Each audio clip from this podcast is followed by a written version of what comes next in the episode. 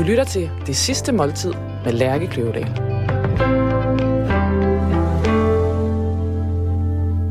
Velkommen til Det Sidste Måltid. Jeg hedder Lærke Kløvedal, og jeg er journalist og madanmelder på Politiken. Hver uge der inviterer jeg en gæst til at spise deres sidste måltid sammen med mig. Gæsten har valgt en forret, en hovedret og en dessert, som udgør deres drøm om det sidste måltid. For inden har jeg skrevet gæstens nekrolog, som jeg undervejs i programmet læser op for dem. På den måde får vi forhåbentlig i fællesskab fundet frem til gæstens eftermæl. Ugens gæst er forfatter Dy Plambæk. Du kender måske hendes bøger. Debuten dæksamlingen Buresø-fortællinger, Texas Rose, den første roman, Gudfar, Michael eller hendes seneste meget roste roman til min søster. Det kan også være, at du kender hende for hendes gigantiske krøllede hår, eller for hendes hang til sportsvogne. Dy Plambæk har valgt en menu, hvor vi skal spise, vi skal have et, et skalddyrsfad øh, til forret. Så skal vi spise krondyrvildt til hovedret med svampe fra skoven. Og til dessert skal vi spise en øh, chokolade fondant med bær. Velkommen til forfatter Dy Plambæks sidste måltid. Tak. Velkommen til Dy. tak. Hold da op, ser det lækkert ud. Ja, vi, vi starter med skalddyrsfad. Der er lidt østers, lidt øh, grillede jomfrummer, nogle pilselrejer og øh, en lille dåse havsalt. Velkommen. Ja, og med havsalt, der mener du altså simpelthen den, den, den, det sorte salt, lige præcis, kaviar. lige præcis. Velkommen. Tak. Tusind tak. Øh, hvorfor skal vi spise, øh, hvorfor skal vi spise skalddyr til forret, Dy? Ja, men det er jo fordi, altså i, i bund og grund, så er det jo en umulig præmis, det der med det sidste måltid, ikke? Altså fordi, hvordan skal man kunne vælge, hvis man sådan tænker den tanke til ende, at det virkelig skulle være en sidste måltid, hvordan skal man kunne vælge noget? Øhm, og derfor så tænkte jeg, at jeg ville øh, prøve at vælge nogle ting, som på en eller anden måde havde noget med mit liv at gøre, eller med mig at gøre. Og, og noget af det, som, som jo er karakteristisk for mit liv som forfatter, det er jo, at, øhm, at jeg er jo sådan en, der undersøger ting. Og, øh, og, og de her skalddyr, de befinder sig jo også nede i havet. Øh, så jeg er ret vild med skalddyr, ikke? Eller sådan, og, og synes der også er noget sådan meget øh, overdådigt over sådan et øh, skalddyrsfad, ikke? Øhm, og jeg tror, jeg har sådan en særlig nysgerrighed på livet, og sådan en særlig grådighed efter livet faktisk, som jeg synes sådan et skalddyrsfad sådan meget øh, præcist rammer, ikke? At man kan sådan ikke rigtig vælge, altså skulle jeg have haft østers til forret, eller var det hummeren, eller, altså så får man bare ligesom det hele. Det er sådan et lidt eksklusivt buffet, Øh, fu- kan man sige. Men faktisk, så kan jeg slet ikke fordrage buffet. Det er sådan helt over i den modsatte, den modsatte grøft. Det, det bliver simpelthen for, det bliver for uoverskueligt for mig, og for mange valg. Og, øh, og det der med, at der er meget af, af noget, det kan nogle gange også øh, virke sådan, ja, sådan lidt øh, modsat på mig faktisk, at jeg sådan mister lidt appetitten til det. Men jeg tænkte sådan skalddyrsfad, det der med sådan ligesom at prøve at grave ned i noget, det er jo meget karakteristisk for mit forfatterskab, det der med, at jeg, at jeg undersøger nogle ting, ikke? og prøver ligesom at dykke ned og se, hvad findes der på bunden af havet, ikke? altså i overført betydning jo. Men, øh, men det var faktisk lidt det, jeg tænkte med det her skalddyrsfad, ikke? Jeg synes, det var meget svært at skrive en overskrift på dig. Ja. Så nu skriver jeg, jeg har... Ja, det var den her, der blev ved med at, at være påtrængende. Ja. Og den hedder i al sin enkelhed. Jeg plejer ikke at bruge udråbstegn, det her. Men den hedder Dy var vild. Udråbstegn. Ja. ja. jeg kan ikke komme udenom det. Nej. Øh, men hvorfor, hvorfor tænker du det? Jamen, det er fordi, at alt, hvad du ligesom har øh, øh, gjort, og alt, hvad du har skrevet, det, det, jeg synes, det er vildt.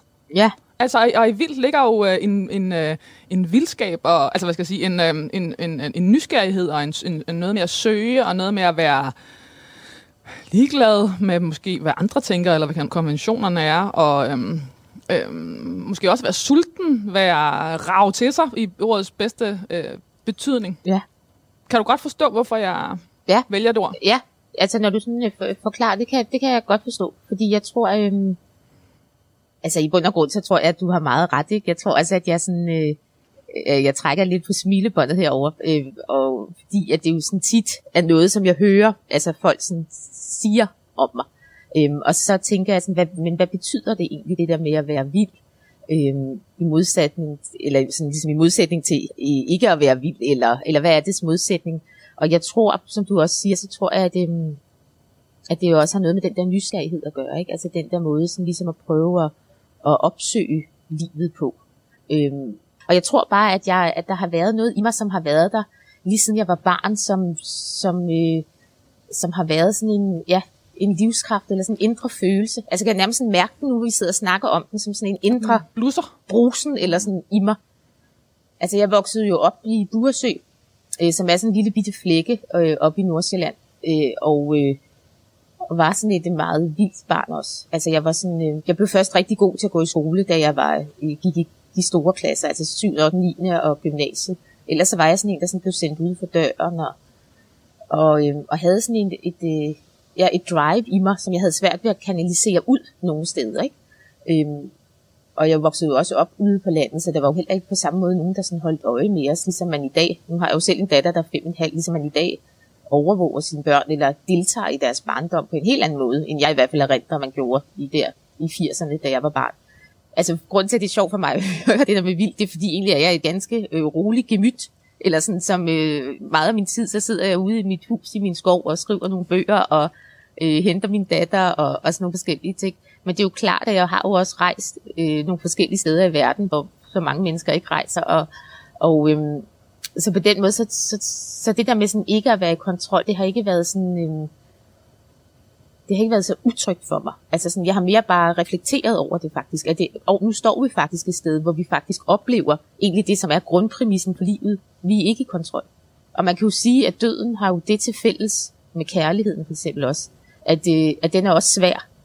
Altså man kan jo ikke kontrollere kærligheden, og man kan jo ikke kontrollere døden.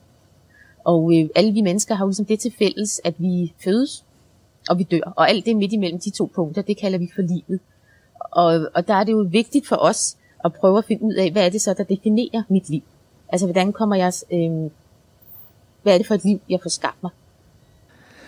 Den næste øh, sætning, den lyder sådan her.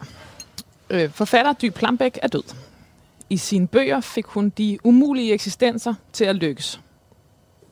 Hun gav dem en højrøstet stemme og blev karakteriseret som en af sin generations mest kontante, poetiske, usentimentale og originale forfattere. Hvad synes du om den opsummering af et, øh, et relativt stort forfatterskab?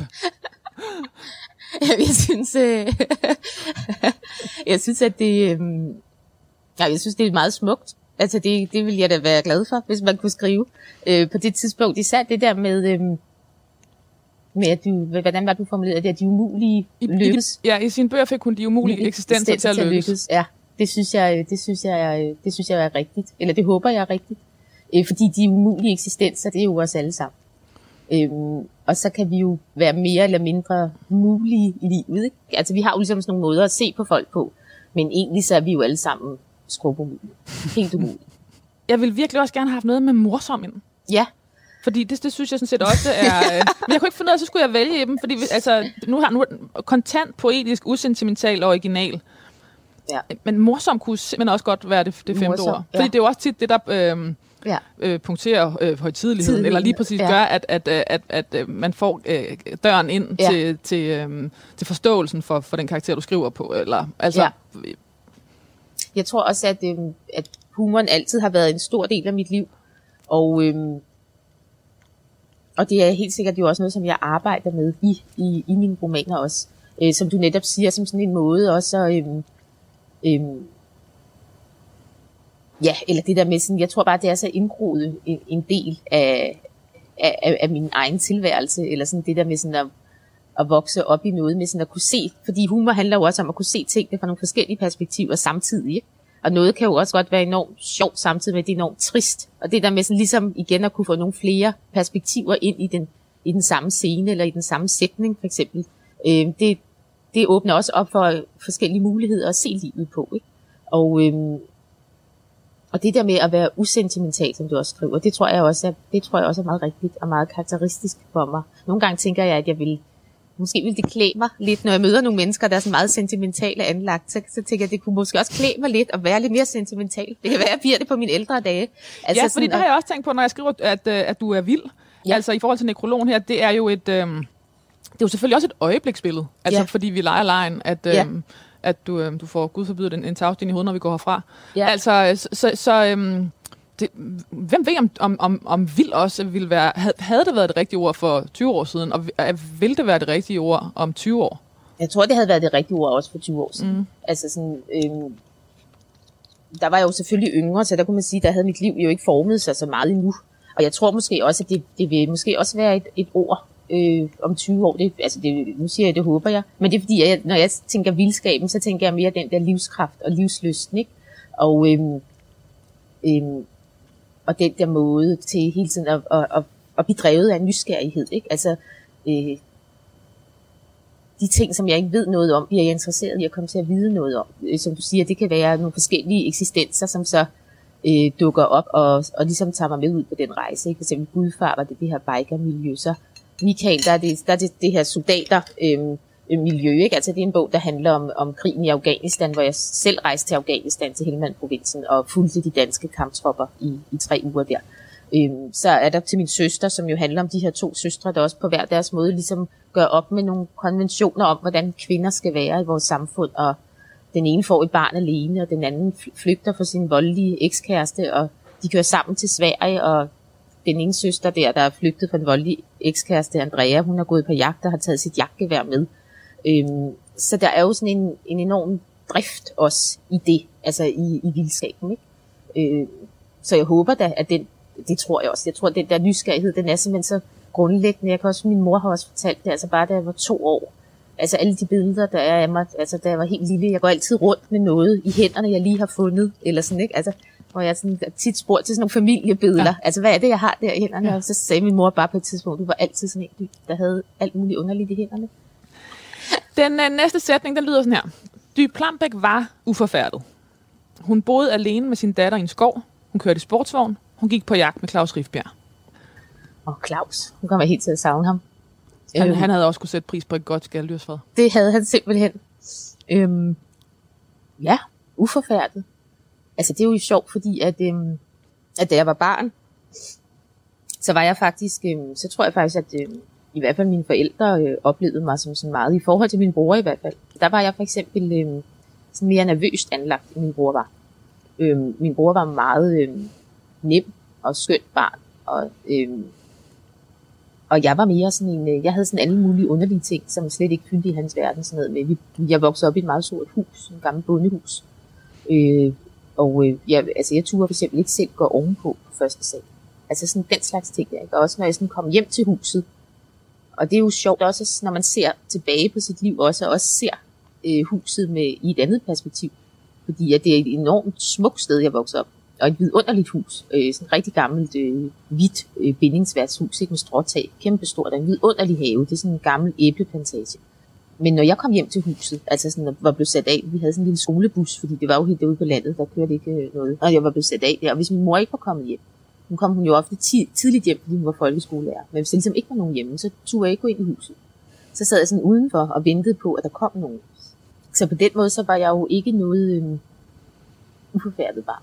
Men jeg tror ikke, jeg tror ikke, jeg er uforfærdet. Øh, jeg kan godt forstå, at du skriver det ud for set fra sådan et øh, perspektiv, men, men jeg tror, jeg bliver jo også bange. Altså når jeg tager øh, til Helmand-provinsen i Afghanistan, altså jeg, der er jo også bange. Altså, og jeg er også bange, når jeg tager til Haiti for jordskæld. Jeg er også bange øh, øh, tit. Og jeg, altså, det er så sjovt, og det er især tit noget også, når det handler om at rejse sådan nogle lidt øh, ud til sådan nogle brandpunkter, eller hvad man ligesom skal sige. Men også sådan, da jeg for eksempel skulle rejse første gang alene med min datter, øh, og øh, skulle på sådan en længere rejse med hende, hvordan skulle det gå, og sådan noget. Og på trods af, at vi skulle, øh, øh, vi skulle bare være et sted her i Vesten, ikke? Øh, og det var ikke sådan på den måde og så øh, har jeg sådan en veninde, lille som jeg altid plejer at ringe til.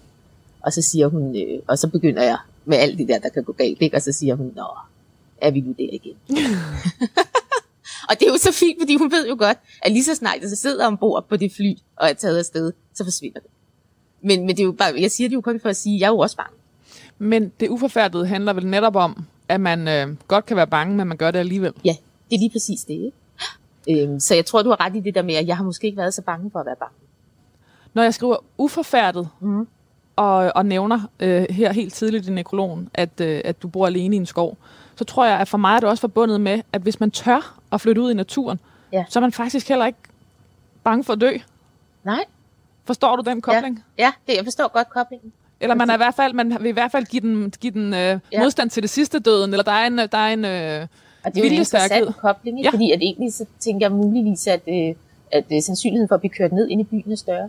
Eller, Ja. ja. eller hvad? Ja. eller det tænker jeg ikke umiddelbart. Eller men jeg ved det ikke. Fordi man kunne også tænke af, hvad skulle man dø af ude i naturen? Ja. Men det er, jo, det er jo kræfterne. Altså det er jo bare, hvis vi tænker på det sådan rationelt. Men jeg forstår det jo, fordi det er jo kræfterne, du, du taler om. Ikke? Jeg havde engang en psykolog, der sagde, at øh, hun selv blev nødt til at bo så langt ude i naturen. Øh, altså hun blev nødt til at bo ude i en natur, der var så stor, at hun ikke kunne forhandle med den. Og det billede kan jeg godt øh, lide. Ja.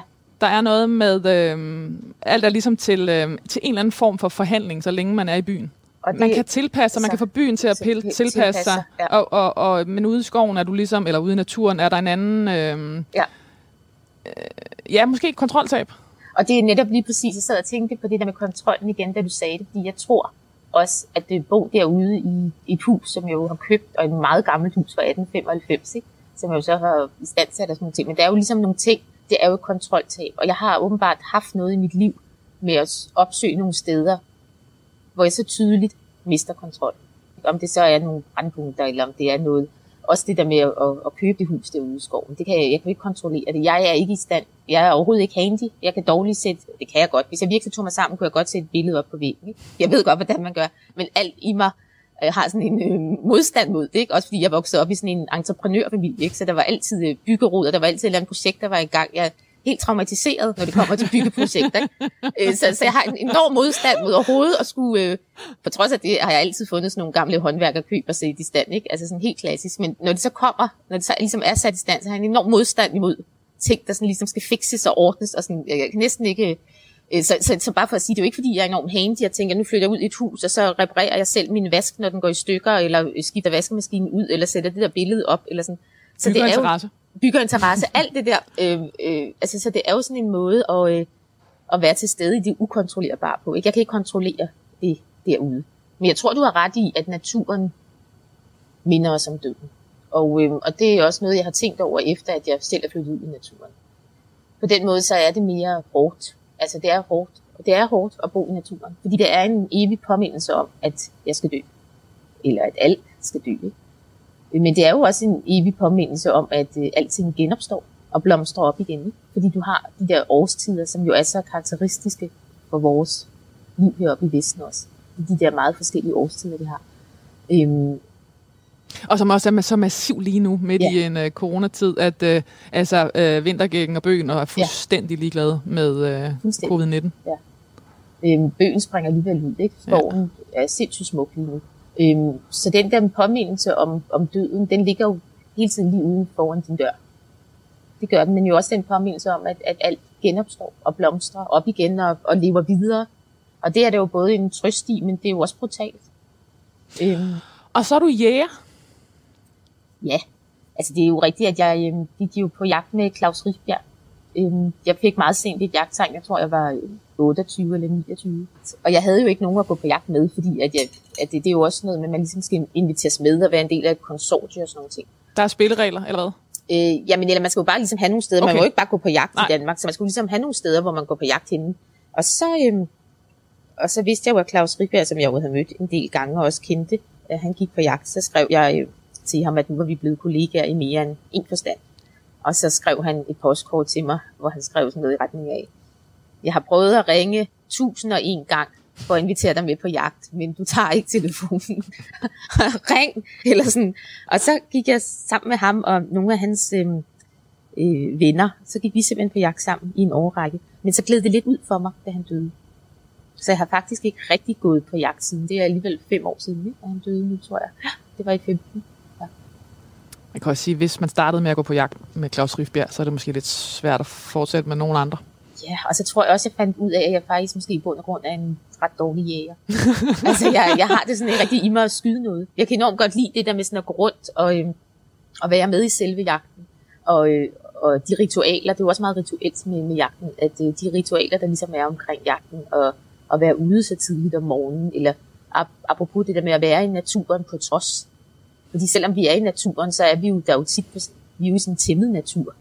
Øhm, og øhm, naturen er jo også på den måde kunstig, eller hvad man skal sige. Det er jo også der ligesom har dyrket mange af skovene, eller øh, så, så det, der med, det der med at være i naturen på trods, at du, du bliver nødt til at være her, det kan godt være, at dine fingre er ved at fryse af, men nu står du ude på et vindblæst mark, og du kan ikke komme hjem, og du er på jagt. Øhm, det, ja, det, det passede rigtig godt til mig. Men det der med at skyde noget, det var ikke rigtig mig. I sin sidste roman til min søster skrev hun om moder- moderne og upoleret kvindeliv. Om kvinder, der ikke skammedes over deres seksualitet. Om fødsel i turevet og dårligt sammenbroderet mellemkød. Om onani, sex, vold og drifter. Læserne kvitterede med Politikens Litteraturpris 2019. Jeg tror også, det er derfor, jeg nævner øh, uforfærdet. Ja. Fordi jeg tænker, at det kræver godt at sidde uden skov og skrive den her roman. Ja. Øhm, nu skal jeg lige spise en reje. så kan jeg også tænke over, hvad det, hvad det er, du spørger mig om. øhm, Jeg fornemmer, at det er nemmere for dig enten at spise eller at snakke. ja. er det ikke rigtigt? Det er sådan noget med mine veninder, de ringer altid og klager over deres ven, og så siger de, at han kan heller ikke multitaske. Og jeg tænker altid, hvem kan det? Hvem kan det? Ingen kan. Jo, nogen kan, åbenbart. Jeg kan ikke. Jeg synes nogle gange, og, og, og selvfølgelig er det en underlig, øhm, øh, et underligt billede, fordi jeg er jo ikke forfatter. Øhm, men jeg synes nogle gange at skrive ting på et papir, og så Ja. ser jeg, at det står på skærmen. Og så bliver jeg genert. Ja. Eller Ja. så skynder jeg mig at slette det igen. Ja. Og især nu, hvor alt er digitalt, hvor man ikke engang har en dagbog, hvor man ligesom kan gemme det ind under en, altså en fysisk dagbog. Jeg har jo stadig en dagbog. En fysisk dagbog? Fysisk dagbog. Øhm, jeg ved ikke rigtig, om det er en dagbog, fordi jeg skriver ikke i den hver dag, men det, jeg kalder det optegnelser. Ja. Det, det har jeg stadig, ja. Sådan nogle bøger. Øhm, det, der, det giver stadig noget. Jeg er jo vokset op, altså sådan, eller det er du jo også. Altså, vi skrev jo i hånden indtil jeg kom i gymnasiet. Altså alle mine afgangseksamer og sådan noget, der har jeg også skrevet i hånden. Så faktisk i, i meget lang tid, bliver lige sidespring, men i meget lang tid i mit forfatterskab, der skrev jeg, det er jo helt skørt, men så øhm, skrev jeg faktisk først det, jeg ville skrive på computeren i hånden. Altså sådan, jeg havde sådan en blog ved siden af mig, når jeg så fandt på noget, jeg skulle skrive, så skrev jeg lynhurtigt øh, på den der blog, og så skrev jeg det ind på computeren. Nu er jeg mere og mere gået hen til computeren, når jeg skriver, men jeg har stadig også notesbøger. De betyder utrolig meget for mig, som jeg stadig bruger, og hvor jeg skriver det ned i hånden. Men øhm, ja, så er det, øhm, der er en anden nærhed i det der med at skrive i hånden, som, øhm, som jeg har brug for i forhold til, til skriften. Men du har ret, det der med at blive generet. på et eller andet tidspunkt, så når man er forfatter, så må man ligesom øhm, komme sig over det. Øhm, og øhm, jeg tror, jeg besluttede mig at komme over det, øhm, efter jeg havde skrevet Gudfar. Fordi at øh, Gudfar, min første bog, Buresø Fortællinger, øh, den handler jo om det sted, eller, hvor jeg selv er vokset op. Og det fik mange til at tro, at det ligesom var en meget selvbiografisk bog. Men jeg plejer altid at sige, at det er en selvgeografisk bog, mm. fordi at, øh, det er jo rigtigt nok, den foregår på det sted, hvor jeg voksede op, men de fortællinger, der ligesom er, er ikke nødvendigvis sande, eller det er de. Øhm, så der kunne jeg jo ligesom godt forstå, at folk sådan på en eller anden måde koblede de to ting sammen. Øhm, så udgav jeg så Texas Rose, øhm, som også havde en, øhm, en kvindelig øh, øh, hovedperson, øh, fortæller, hvor folk så også altså, stadig koblede tingene sammen. Men så er der udgivet Gudfar, som altså handler om en 52-årig murermester, ikke? Eller sådan, man følger ham hele livet. Man møder ham første gang, da han er i midten af 20'erne, øh, som hedder Uffe, og som er biker. Øhm, altså en karakter, der ligger så langt væk fra mig. Så gik det op for mig, at folk stadig tænkte, det var mig. Og spurgte det sådan til nogle af de ting. Der er sådan en scene, hvor han sidder fast nede i et toilet øh, med sin fod. Altså jeg kan huske, folk sådan spurgte mig bagefter til, når jeg var ude og holde foredrag om bogen. Hvad gjorde du så? Altså der, da din fod sad fast i toilettet. Ikke? Altså hvad gjorde du, dy?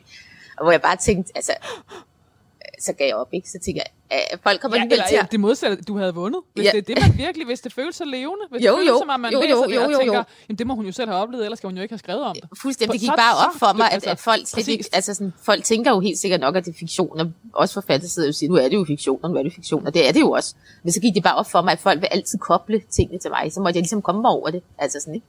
Og så gav du slip. Så jeg tror, jeg gav lidt slip på det. Ja. Dermed sagt, så er jeg jo stadig generet, ikke? Altså sådan, jeg er jo stadig generet. Jeg er jo egentlig et meget generet menneske. Øhm, men, øhm, så der kan jo godt, altså, men der bliver mere sådan generet over for folk, jeg sådan kender godt, ikke? Jeg sådan, Hvad tænker min mor, da hun skulle læse den her bog, ikke? Hvad vil min mor tænke? Og grunden til, at vi griner, er jo, at du har nogle meget eks- altså eksplicite, ja, øh, både sexscener, øh, også scener om vold, Ja. og øh, et østrogent øh, kvindemanifest, tror jeg, øh, ja. til min søster er blevet, øh, Ja. blevet kaldt. Det er sprængfarligt, ja.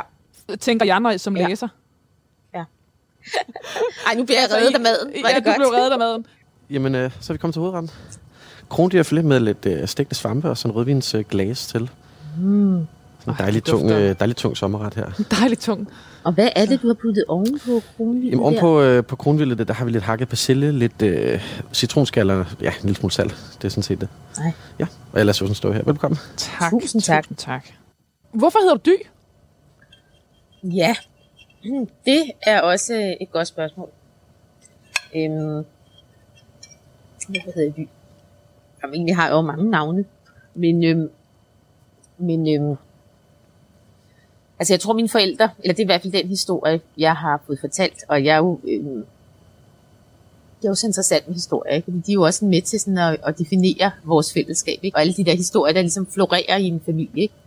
Dybt forskellige historier om den, om den samme ting. Ikke? Øhm, men der er jo virkelig sådan noget, øh, det skaber jo virkelig meget stor fællesskabsfølelse, det med, at man har nogle fortællinger i en familie og i et samfund på den sags øh, skyld, ikke? at man har ligesom de samme fortællinger. Men en af fortællingerne, kan jeg jo fortælle her, øh, det er, at, øh, at mine forældre var i tvivl, om jeg skulle hedde øh, Pernille eller Camilla. Og man kan sige, hvordan det er som et dy. My god. Altså, det må man jo spørge dem om. Men, øh, men øh, i hvert fald, så, øh, så den der diskussion, den trak ud, så de faktisk endte med at få sådan et brev fra, øh, jeg ved ikke, hvem man får det fra, navnestyrelsen eller et eller andet, ikke? om at nu skulle de, altså der var gået over et halvt år, hvor jeg bare hed Lille Pige. Så nu skulle de simpelthen til at komme op med et navn. Og så fordi jeg jo ikke havde noget navn, så, øhm, øh, så var der nogle andre i familien, særligt min bror, der var begyndt at kalde mig for Øh, og det synes min mor egentlig var meget smukt, fordi at øh, min familie kommer fra Holland. Øh, altså min mors familie. Øh, ikke min mor, men øh, min oldemor på den side, de kommer fra Holland. Og øh, i Holland, der er der et, et hollandsk navn, der hedder Dyveke, som vi jo også øh, kender her i Danmark, som betyder lille due. Øhm, og så kunne dy jo ligesom være kort for det. Men det er jo et meget sjældent navn. Så det endte Er der andre, der hedder det? Ja, jeg har faktisk mødt flere. Okay. Eller flere, altså det er jo ikke nu kommet det til som om jeg har mødt 100. Det har jeg ikke, men jeg har mødt nogle stykker. Mm. Ja, men det er jo et sjældent navn. Det er det. Men for din bror var det en lyd, hvis han er, eller hvad? Ja, det, det ved jeg. Nej, jeg tror måske også, det var et navn. Altså det voksede ligesom sådan frem. Men jeg mener, hvis han har været halvandet, så har det jo mere været en... Ja, så var han to år. Det er måske Ja. rigtigt, ja. ja. Det, det har måske mere været sådan noget, han begyndte at kalde mig. Ja. Tænk, hvis du havde heddet Camilla Plambæk. Ja. Pernille Plambæk. En lille. Jamen, så hedder jeg jo faktisk Dy Evelyn. Nej, jeg kan ikke engang huske det selv. Nej, vi prøver igen. Jo, Dy Pernille Evelyn Plambæk. Det er det, jeg hedder. Er det ikke vildt? Altså, det, det er et meget, øh, en meget generøs navngivning. Det- Fordi så kan man jo ligesom vælge, hvad man synes. Fuldstændig. ikke? Så kan man ligesom vælge på alle hylder, men der er aldrig nogen På, altså, Dy, Pernille, Evelyn, Plambæk. det, det er også tre forskellige retninger. At jeg har tænkt, at på et eller andet tidspunkt, det, er sådan noget, jeg, det, det var sådan noget, jeg skulle have gjort under den her covid-krise, så kunne jeg lude ud i de der navne. Ikke? Så kunne man sikkert ikke engang få, øh, så kunne man ikke engang få måske kontakt til myndighederne, men det havde været en oplagt mulighed, for det er sådan noget, der har stået på ens to-do-liste. Ikke? Fordi for, på en eller anden måde, så øh, altså, der er jo aldrig nogensinde nogen, der kalder mig andet end Dy. Jo, nogle gange, når jeg rejser rundt i USA, så siger jeg, at jeg hedder Evelyn. Altså hvis jeg bare sådan skal bestille noget på en restaurant, du ved, eller sådan et eller andet, eller på et hotel, fordi de kan jo, ingen kan sige Dy. Og det er jo faktisk problemet med at hedde Dy, det er jo, at ingen kan sige det, udover i Danmark. Ja. Øhm, øhm, så derfor så bruger jeg nogle gange Evelyn, men jeg bruger aldrig Pernille. Dy Plambæk kom til verden med et krøllet hoved og en meget stærk vilje i 1980. Hun ja. Voksede op i provinsbyen Buresø på Sjælland med sin storebror, sin mor, der var skolelærer, og sin far, som var entreprenør. I et stråtægt bindingsværkshus, hvor der var overskud til at tage sig af dem, der ikke havde så meget. Gode historier om slægtningen med kulørt livsforløb, øh, om mere eller mindre skæve eksistenser, fyldte dagene i Buresø, og Dy fik det hele med. Hun blev døbt som 11-årig, sang i kirkekor og var optaget af litteratur. Du har virkelig øh, lavet din research godt, Lærke. Tak. Jeg har talt med nogle af dine gamle korsanger veninder. Ja. Har ringet til skubbe, Johnny, ude på se og høre. Hvordan det står til. Ja. Og når jeg skriver, hun blev døbt som 11-årig, sang i kirkekor og var optaget af litteratur, så er et oplagt spørgsmål, var de andre børn også sådan?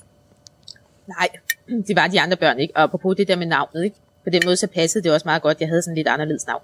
Fordi at det, dem, jeg voksede op sammen med, de hed jo øh, Søren og Christian og Maria. Hvad man nu hed der i 80'erne, ikke? Øhm, og øhm, var jo også sådan optaget af nogle andre ting end mig. Så jeg tror også, jeg øhm, i sådan meget tidligere alder ligesom havde sådan en fornemmelse af, at jeg sådan stod lidt uden for det hele. Og ikke sådan, at jeg sådan var øh, klassens øh, mærkelige pige, eller sådan, at jeg, blev, jeg aldrig blev mobbet. Men øh, fordi jeg var faktisk enormt god til sådan at samle folk omkring mig. Jeg kan huske, at øh, da jeg gik ud af øh, gymnasiet, tror jeg det var, eller var det folkeskolen, der skrev de i min blå bog, at jeg kunne blive sådan en karismatisk leder af en sekt. Eller, Eller også ville det være noget med litteratur, ikke? Der var ligesom de to veje. Jeg er sådan ret glad for, at jeg valgte litteraturvejen. Men, øh, men øh, så, så, det, så jeg var ikke sådan en, øh, en underlig en, sådan, du ved, med underligt hår, og som ingen ville lege med, slet ikke. Men jeg, jeg var bare sådan, øh, jeg var bare lidt anderledes. Men du havde ikke lyst til at, øhm, at, at kalde dig Pernille? Nej, altså, det har, altså der er aldrig nogen, der har kaldt mig det navn. Men forstår du, hvad jeg mener? Altså, du Ja. ved, det, det kan også være en lidt hurtig løsning, man siger, Jo, øh, den Ja. model vælger jeg, for den kan jeg se passer lidt altså bedre. ind. problemet var jo, at der var en anden i min klasse, der hed Pernille. Så var det jo igen, øh, altså, og det var ude på landet, meget lavpraktisk smart, og jeg så hed Dy. Og jo, men jeg gik i en klasse, hvor man så hed man øh, Maria A, Maria K, Maria V, Ja. Maria S der var også noget ved det navn, der sådan passede meget godt til mig. Og faktisk var det jo også fordi, at det, at det sted, hvor jeg også voksede op, så stor en ting var det heller ikke det der med, at jeg hed det. Fordi det var så lille et sted også, så alle kendte også hinanden. Så det er faktisk først, når jeg blev ældre, altså at, øh, at folk begyndte at kommentere mit navn. Og i, i, så var der ligesom sådan en periode, på den måde kan man jo også følge samfundsudviklingen, ikke? fordi så var der ligesom sådan en periode, hvor, hvor folk troede, at jeg kom fra et andet sted. Ikke? Og folk er jo meget optaget af det der med en fremmed, og hvor kommer de fra, og Mhm. at du danser, og sådan nogle ting. Ikke? Og hvor kommer dine forældre fra, som det hedder noget mærkeligt, og så videre. Ikke? Den, den periode var der ligesom, så gik den lidt over. Så blev den erstattet lidt af sådan en, har været til en numerolog-periode, ikke? Eller sådan en, den der periode. Eller sådan, øhm, men, øhm, og nu synes jeg sådan, nu er, det, nu er det jo bare som det er. Men, øhm, men nej, jeg har aldrig ligesom tænkt, at jeg skulle hedde noget af det andet. Men det er fordi, at der jo også er noget med navnet, der responderer ind i en, ikke? Dy Plambæk blev færdig på forfatterskolen i 2004 og debuterede i 2005 med digtsamlingen Buresø Fortællinger. Anmelderne var vild af begejstring over en ny stemme, og hun blev rost for en fascinerende dybde, den upræsentiøse stil, humoren og den sproglige præcision. Hun blev tildelt Claus Rifbjergs debutantpris og et treårigt arbejdslegat fra Statens Kunstfond. Det er en vild debut. Ja, det var simpelthen også så vildt. Det var virkelig vildt.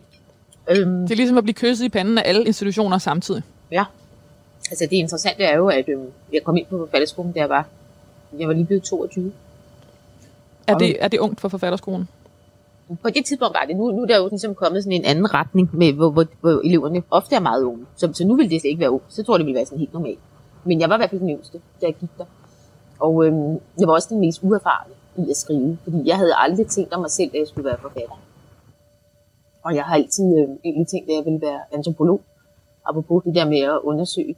Øh, og, øh, og så derfor, så, øh, da jeg var færdig med gymnasiet, så rejste jeg rundt et par år. Øhm, øh, og jeg havde egentlig tænkt, at jeg skulle søge ind på antropologi. Eller filosofi, det har jeg også læst et år. Men, Øh, men i hvert fald, så, øhm, øh, så på den der rejse, så øh, mødte jeg en øh, anden dansk ung kvinde i Israel. Øhm, og hun havde sådan ligesom set, at Berlingske Tidende havde udskrevet sådan en konkurrence, de kaldte brev for det blå, hvor man skulle skrive et rejseessay. Og spurgte, nu skal vi ikke skrive sådan en rejseessay hver? Og jeg var sådan, jo, det er godt. Så skrev jeg sådan et essay om det der med at rejse rundt og sådan noget. Til min egen store overraskelse, så vandt jeg den der konkurrence. Og jeg har jo altid været god, øh, øh, det har jo ikke altid været god i skolen, men, øh, men jeg har jo altid været sådan god til at analysere tekster, og god til sådan at, og det vidste jeg godt, at jeg ligesom var, men det er jo noget andet, end det der med at skrive selv. Øhm, så, øhm, øh, og da jeg så ligesom havde vundet den der konkurrence, så brugte jeg faktisk pengene på at tage på højskole, og det var ligesom der, jeg gik i gang med at skrive. Og det var jo altså i år 2000, så derfor havde jeg jo ikke skrevet særlig meget, da jeg kom ind på forfatterskolen. Og jeg havde slet ikke haft sådan en livslang drøm om at øh, blive forfatter, som mange andre ligesom havde haft. Øhm, men jeg kan se, at det er det helt rigtige for mig at, at være det. Hvem var du på forfatterskolen? Men Jeg tror, at forfatterskolen, øh, for, som jeg tror, at det er for mange, så tror jeg, at det, det første år, der var jeg øh, meget lukket og genert, og, øh, og havde også svært ved sådan at, øh, havde også svært ved sådan at passe ind i det miljø. Ikke? Altså igen det der med at stå lidt uden for det hele. Ikke? Altså den oplevelse, som den havde jeg helt sikkert også på forfatterskolen, hvor på, på det andet år, der voksede jeg mere ind i det, og begyndte også at skrive på Buresø fortællinger. Faktisk, jeg tror også, det var meget det, der gjorde det, at jeg ligesom havde et projekt, øh, og, gik, og gik ind i det. Og jeg er enormt glad for, at jeg ligesom gik på, forfatter, på forfatterskolen, og jeg tror også, at hvis jeg ikke var kommet ind i første forsøg, så havde jeg nok heller ikke været sådan en, der havde gået igen. Så havde jeg tænkt sådan, oh, det var, det var ligesom det, eller sådan. Øhm, fordi jeg vidste ikke, det var ligesom min øh, højskolelærer, altså øh, Christian Dorfer, han Hans Otto Jørgensen på det tidspunkt, der fortalte mig om forfatterskolen og opfordrede mig til at søge. Øh, så det kan jeg jo takke dem for. Øh, men nu, hvor jeg er forfatter, så tænker jeg, at det passer perfekt mig. I sit forfatterskab, der blandt andet rummede fire romaner og lige så mange børnebøger, beskæftigede hun sig med fællesskab og relation. Hun skrev usvært på et inderligt ønske om at rumme det uoverkommelige og søge svar på, hvordan vi er blevet dem, vi er. Er det beskrivelser, du kan genkende? Ja. At rumme det uoverkommelige? Ja. Det synes jeg, og det der med at, at blive svar på, altså det kan man jo sige, det der med at være forfatter, det er så øhm, privilegeret en opgave, ikke? Fordi som jeg sagde tidligere, så er det jo ikke noget med, at nogen forventer nogle endegyldige svar fra mig. Jeg kan huske, at jeg var jo sproglig student. Jeg gik på Sankt Anne Gymnasium. Jeg flyttede hjemmefra der på Buresø, jeg var 17, og ind til byen. Jeg blev optaget på Sankt Anne Gymnasium. Som er et uh, musisk gymnasium? Ja, som er et musisk ja. gymnasium, som ligger ude i Valby. Men øh, jeg, jeg er jo ikke... Øh, altså, jeg, jo, jeg er musisk anlagt, men jeg, jeg sang jo meget i kor. Øh, så det var jo sådan som det, der var min indgang til det. Jeg spillede ikke sådan nødvendigvis noget instrument. I hvert fald ikke på noget højt niveau. Øh, men, øh, men der kan jeg nemlig huske, at jeg var jo sproglig. Dengang hed det sproglig og matematisk. Og så havde jeg så matematik på B-niveau. Spørg mig ikke, hvorfor jeg havde valgt det. Men det havde jeg så valgt. Og, og så skulle jeg have det her matematik, og så kan jeg huske, der var en matematiker, der engang nede i kantinen skulle hjælpe mig med sådan en blikregning, som det jo hed. Og så sagde han, at det han elskede ved matematik, det var, at der var et svar. Og det var bare det, vi skulle finde frem til. Vi skulle stille alle de der formler op, og så skulle vi finde det der ene svar, som var det rigtige. Elskede han ved matematik. Og jeg kan huske i det øjeblik, han siger det, så tænker jeg, det er lige præcis så modsat af min verden. Jeg elsker de der øh, bøgerne. Jeg elsker, at der ikke er noget svar. Men at jeg kan komme med, øh, med en tolkning af det, og du kan komme med en tolkning af det, der måske er anderledes end min. Og vi kan kigge på, hvad, hvad, hvad har vi egentlig til fælles her? Hvad er forskellen? Hvordan så du det? Hvordan så jeg det? Øh, den der øh, tilgang til verden. Ikke? Så det der med sådan, at søge efter de der svar på, hvordan vi er blevet dem, vi er, det tror jeg er, er rigtigt. Jeg tror ikke, jeg kommer med noget endegyldigt svar. Men det er jo heller ikke nødvendigt, fordi man kan også sige, vi er jo også hele tiden i proces.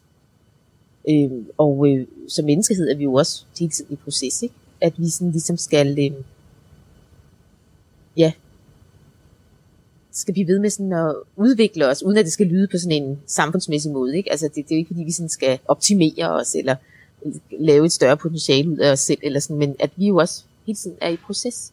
Og jeg tror måske, at noget af det, som jeg øh, måske mere prøver at nærme mig, det er nogle forskellige ting, som vi mennesker lever med.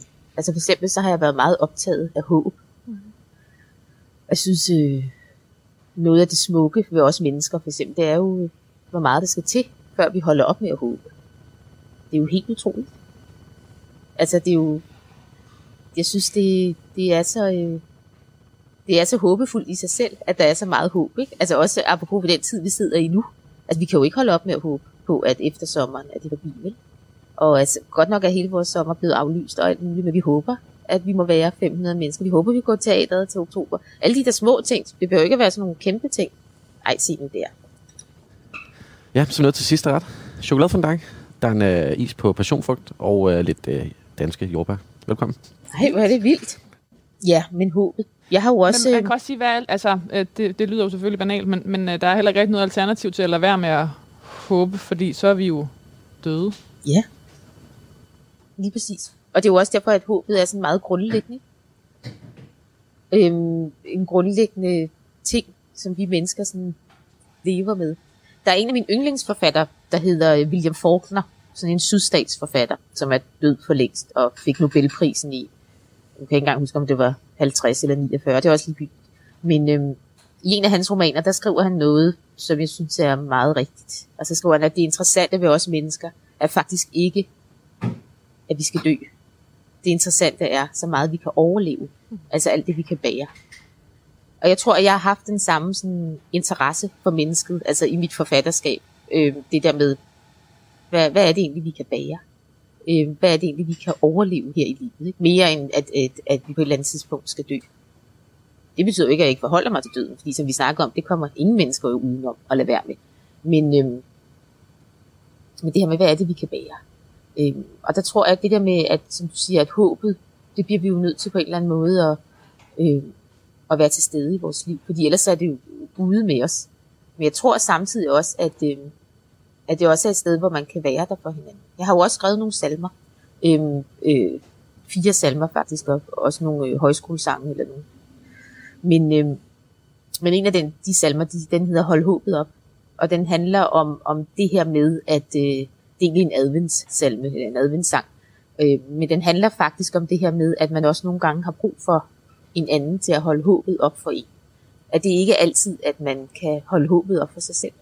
Og måske er det noget, der kan komme ud af den her krise, jeg ved det ikke, men måske kan man blive bedre til at være sammen om det håbløse.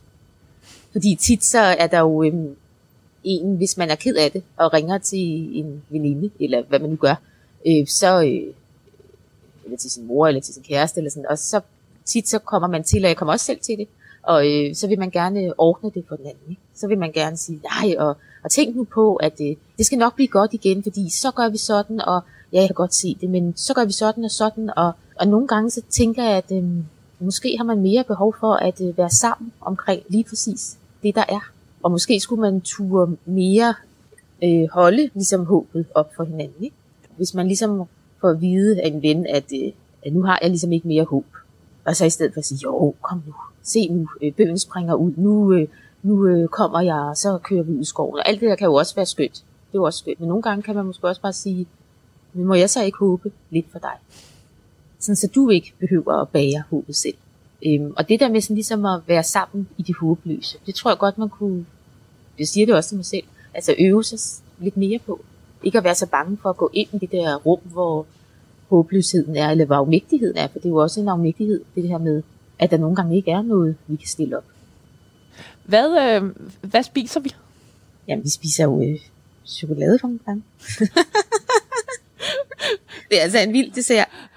Jeg, jeg elsker, mm. at du faktisk har øh, virkelig lykkes med både at spise og uh, tale, når, bare når det kom til chokolade, chokoladefondant. Det var den, der ligesom gjorde, det var løsnet. Så var, der ikke, så var multitasking ikke svært længere. Så det det kan jeg ikke give op. Det nu, jeg, ja. ja, men det er... Øh... Og en fondant er jo altså, lidt, lidt hårdt sagt en ubagt kage. Ja. Men til gengæld skal den jo være så præcis, fordi den skal jo gøre sådan, at når man sætter skeen i, Nej, men altså, så skal det flyde den ud smager vidunderligt. med chokolade. Man kan simpelthen flyde ud med chokolade. Ja. Hvorfor skal vi have den her? Chokoladefondant? Jamen, det er fordi, jeg elsker chokolade. Og faktisk, måske sådan et... Øh, man kan jo ikke misbruge... Måske kan man, kan man have et misbrug af chokolade? Det tror jeg sagtens. Ej, men det, jeg ved måske ikke, jeg, måske ikke jeg, jeg tror ikke, jeg har sådan en misbrugsgen i mig. Men hvis jeg havde, så ville det måske gå ud på chokolade. Øhm, jeg kan i hvert fald være sådan, øhm, jeg kan enormt godt lide chokolade. Og så synes jeg også, at, øhm, at så er det jo bare sådan en, apropos den der livskraft og sådan noget, der er også noget ekstremt kraftfuldt i sådan en fondant, ikke? Altså det er jo, sådan, det er jo virkelig sådan en koncentreret livsessens, ikke?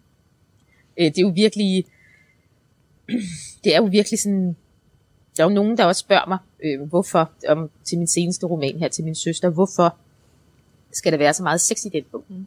Hvorfor er der så mange sexscener, eller hvorfor er der så meget sex i den bog? Og så siger jeg, øh, altså det korte svar er jo, at det, øh, sex det er jo liv. Og, og bogen handler om det livfulde, og om livskraft, og sådan nogle ting. Og der er sex jo en meget stor del. Altså sex er jo livet. Det har vi bare ligesom glemt, i at vi opfandt præmissionen og alle mulige andre ting. Men det er jo i sex, at man skaber et nyt liv. Så sex er jo enormt livfuldt. Jeg ved ikke, om der er noget specielt sex over den her chokoladefondant, men, øh, men i hvert fald så, ble, så blev det på en eller anden måde så, så kraftfuldt for mig, at det næsten blev erotisk. Hvis der er jo i hvert fald noget med det der med, at man ligesom, altså en hende, som man ligesom bryder. bryder, og så ved jeg ikke rigtig, hvad jeg skal sige, til der er noget, der flyder ud. Men det, det vil jeg lade være til fortolkning. Mm. Jeg kan især godt lide, at han har lavet så stor en fondant. Der er ikke noget sådan, sådan nogle smalle steder. Det er sådan noget, det der med sådan at fedtspille, med, med sådan noget, i det hele taget fedtspille, det skal man ikke gøre. Altså, hvis det var en lille fondant, så var det jo, så var det jo konfekt. Det er jo ikke det, du har bedt om. Nej, men, det, men det, jeg har set mindre chokoladefondant, det vil jeg sige. Den er både sådan høj og stor, den her. Alban er god til ligesom at være rigelig i sine serveringer. Jamen, det er jo, og det er jo præcis sådan noget, det elsker jeg. Altså det der med, at man skal være øssel. Man skal både være øssel med sit liv, men også ligesom med sig selv. Og generøs. Øhm, jeg tror, at, øhm, at det der med sådan, at... Øhm, det kunne at, du også have heddet. Der kunne også have stået, dy var øssel. Dy var øssel. Ej, fordi så lyder det som om, at så jeg er sådan en, der kunne være med i luksusfælden eller sådan noget, ikke? og jeg tror, man, jeg tror også, man vil tænke det der forfatter og øssel sammen. Ikke? Altså hvis man, i hvert fald hvis man tænker sådan materielt, det er sådan, alle ved jo, at forfatter ikke har særlig mange penge, det vil på en eller anden måde være sådan, men øssel med, jo, øssel med livet, eller sådan, mm. og, øhm, og det der med sådan ligesom at være generøs med livet mm. også, ikke? Generøs med sin energi. Man kan jo være generøs på mange forskellige måder. Hvor øhm, jeg tror, de mennesker, som jeg kan blive mest sådan, øh, irriteret på, det er faktisk nogle, der sidder og putter lidt med deres. Ikke? Og det er jo igen forskellige måder sådan at være menneske på, eller sådan, ikke? men der sidder sådan lidt der fedt spiller over hjørnet. Der er sådan, du ved ikke, der sidder med den der baghånd, ikke? Fordi vi andre har øh, sat alle pengene på det forkerte. Eller sådan, ved, ikke? Og så har de synes fornuftigt regnet sig frem til et eller andet resultat, der så viser sig at være det rigtige. Øhm, Det er også noget med at våge sammen. Ja, det er jo noget med at våge sammen, ikke? Det er jo noget med at våge sammen, og det er noget med sådan ligesom at... Øhm, ja, hvis man sådan hele tiden føler, at man... Øhm, fordi det handler jo også noget igen om det der med, som til min søster også handler om, om det der med at blive holdt nede. Altså sådan både kulturelt og socialt, ikke? Altså det der med sådan, at hvis man sådan kommer ind i et rum, og sådan der, der kan jo også være sådan et begreb om kvinder, som jeg aldrig har hørt nogen sige om mænd, men for eksempel kan man jo sige om nogle kvinder, det der med, at de er for meget. Har du ikke også hørt det der? Jo. Hun er for meget, hende der. Jo. Men for meget hvad? Eller sådan, ikke? Ja. Altså, jeg har aldrig hørt nogen. Har Ja. du hørt det sige om en mand, han er for meget? Ofte om kvinder, og, og især, du ved også det der med det hysteriske. Det er sådan Ja. typisk to kvinde øh, øh, nedlukkere. Ja. Hun er for meget, hun er hysterisk. Det er noget, vi ikke kan tage seriøst. Ja. Hun har ikke styr på det. Hun Nej, har ikke styr på, sig. det på sig. Og det er jo igen, apropos øh, og kontrollen, ikke? Så det der med, at man også skal kunne være i kontrol, og man også kunne være i, så er det bedre sådan at spille lidt for lidt ind, end lidt for meget, fordi at, at det, så viser man i hvert fald, at man er i kontrol mm. med sig selv. Ikke? Dy Plambæk blandede sig uforfærdet i samfundsdebatten som debattør og skribent for blandt andet Christi Dagblad, Weekendavisen, Politikken og Information. Hun skrev salmer og prædiker og var med til at udvælge nye sange til Højskolesangbogen. Jeg synes faktisk også, det er øh, et ret vildt valg at vælge at blande sig i samfundsdebatten som debattør, Ja, når man sidder ude i en skov. ja. Det gjorde jeg det jo også, da jeg boede i byen. Men øhm, mm, Jeg synes, det kræver mange kræfter. Ja. Og jeg, øhm, Ja. jeg er ikke sikker på, om jeg kan påstå, at det er, kræver flere kræfter at være kvinde, der gør det. Men, men øh, jeg vil i hvert fald godt øh, våge teorien. våge teorien. Ja, altså jeg tror, jeg... Øh, jeg tror, der er jo også bare nogle måder, man ligesom er på som menneske. Ikke? Og jeg tror, jeg... Øh, jeg tror, det igen handler om nogle forskellige ting. For jeg tror igen, det er også... Jeg er jo vokset op derude på landet, hvor jeg også har været set. Og det var jo sådan et meget blandet miljø. Øhm, der var jo både nogen, der havde sådan nogle ganske almindelige job, ligesom mine forældre. Og, sådan, og der var også nogen, der øh, slet ikke havde nogen job og boede i en turvogn. Og øh, ikke havde noget eksistensgrundlag. Og så var der, ja, jeg tror ikke, der var på det tidspunkt nogle sådan højdragende mennesker, men i hvert fald, der var sådan alle mulige forskellige typer. Så jeg tror også, at øhm, jeg har jo også været meget optaget i mit forfatterskab af at give stemme til, en, øh, til nogle grupper, som ikke havde en tydelig stemme i offentligheden i forvejen. Og, øhm, eller som var blevet gjort tavse. Øhm, og det er jo heller ikke noget, jeg sådan har tænkt over. Det er det, jeg vil. Men jeg kunne bare se, at det er sådan, ligesom, sådan er det blevet. Og det er noget, der sådan ligger i mig, det der med, at alle skal have lov til at have en stemme, og alle skal have lov til at sige noget her i verden. Og så tror jeg, at øhm, jeg jo også har oplevet, at øhm, så enkelt er verden. ikke. Øhm, og sådan, der har jo også været øh, grupper, der har behov for, at der er nogen, der ligesom taler på deres vegne. Og der har jeg jo kunne se, at, det, at den position har jeg kunne udfylde på nogen. Ikke? At jeg ligesom kunne, fordi jeg kan skrive. Eller sådan, ikke? Og nogle gange handler det jo også om noget basalt, altså at jeg faktisk øh, kan skrive noget, som nogle andre kan læse. eller Et, sådan, et, et håndværk, simpelthen. Et håndværk Altså, simpelthen, øhm, ikke? Ja. Øhm, og øhm, øhm, så, så jeg har også følt en eller anden form for forpligtelse, tror jeg, til sådan ligesom at, øhm, at, at bruge det, som jeg havde. Og det er jo også hele tiden et, øhm, til min søster er jo også på en eller anden måde sådan et opgør med forskellige øh, magtstrukturer ikke? og patriarkalske strukturer. Men det er jo faktisk også et opgør med, med, med mig selv som forfatter, fordi at jeg jo også selv sidder i den der position. Ikke? Altså, øh, hvor jeg jo på den ene side giver stemme til nogle mennesker, øh, som måske ikke har så tydelig en stemme i forvejen, kan være med til at pege på nogle ting. Men jeg sidder jo også samtidig i en magtposition. Og det er jo heller ikke nødvendigvis, fordi magt er noget dårligt. Men jeg tror, at det der med at være opmærksom på det, er, er, er vigtigt.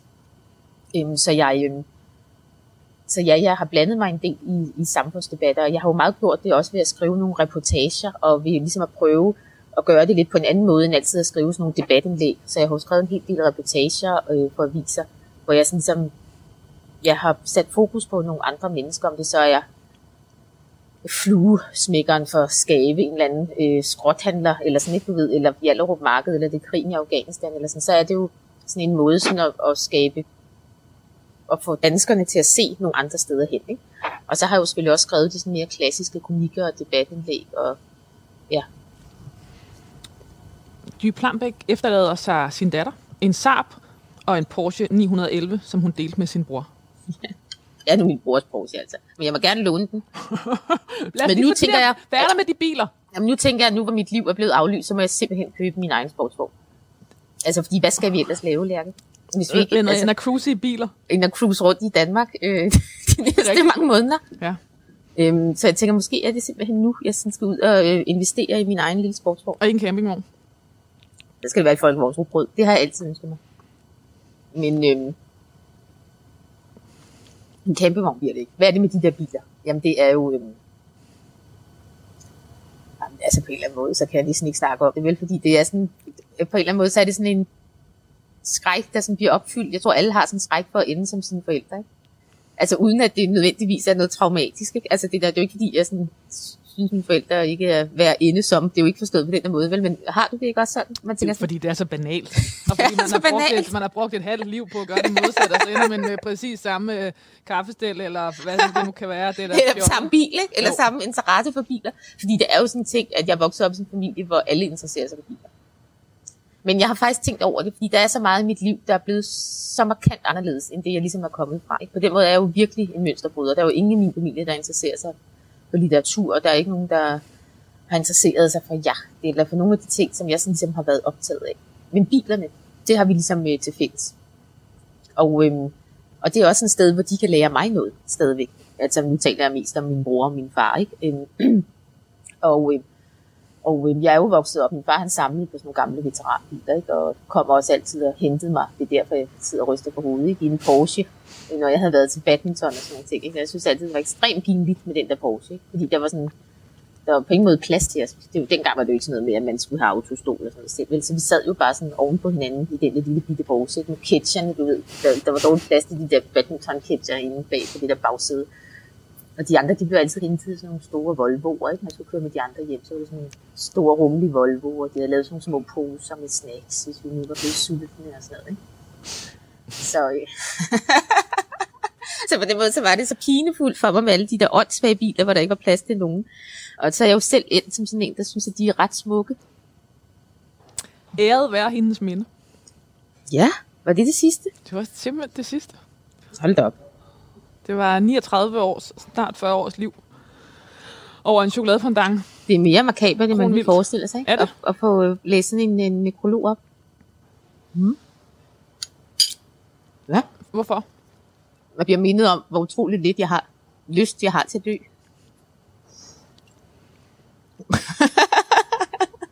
Hvad skal der stå på din gravsten? Jamen, der er altså slet ikke noget udlærke. På trods af, at jeg jo faktisk, øh, fordi jeg jo har været i Afghanistan i Helmand-provincen, mens at, øh, jeg var jo det, som man kalder embedded, altså hvor de, øh, det var mens at øh, Danmark stadig havde kamptropper i Afghanistan, og øh, så skulle jeg ned med forsvaret. Og der skulle jeg jo ligesom udfylde sådan et, min sidste vilje. Og også hvis jeg ville skrive nogle afskedsbrev. På trods af, at jeg skulle være ganske kort tid afsted. Men så opfordrede det ligesom ind til det. Øh, fordi der var jo en vis risiko forbundet med det. Øh, så der var jeg jo ude i sådan noget med at gennemtænke min egen begravelse. Ikke? Jeg har heldigvis glemt, på trods af, at det jo kun er, jeg var der i 12, så det er jo øh, 8 år, ikke engang, det er 7,5 år siden, hvor jeg var der om efteråret. Øhm, så har jeg heldigvis glemt, hvad jeg sådan har skrevet ned. Har du det et sted? Nej, fordi jeg afleverede det så til min veninde. Jeg printede det ud og afleverede det til min veninde, så hun sådan, så kunne opbevare det. Og så da jeg kom hjem, så skrev hun et eller andet. Skal jeg ikke bare smide det der ud? Smid det ud, skrev jeg. Men på trods af, at jeg faktisk har været derude, så, så er det alligevel det er mærkeligt, det der med at forestille sig øh, et eftermæle. Jeg vil foreslå, at dy var vild. Udråbstegn på gravstenen. Nej. Er der noget, vi mangler? Jeg synes, at vi har været meget godt omkring. Hvad synes du? Jeg synes også, vi har været utrolig godt omkring. Ja. Så du brænder ind med et spørgsmål, så stil det endelig. Jeg har mere for en dame. Det ville altså være en, en glimrende udgangssætning. Brænder du ind med noget? Bare spørg. Jeg har mere for en dang. Jeg får gang. Øh, Dy Plambæk, tak fordi du ville øh, være min gæst i det sidste måltid. Det var altså lidt en fornøjelse.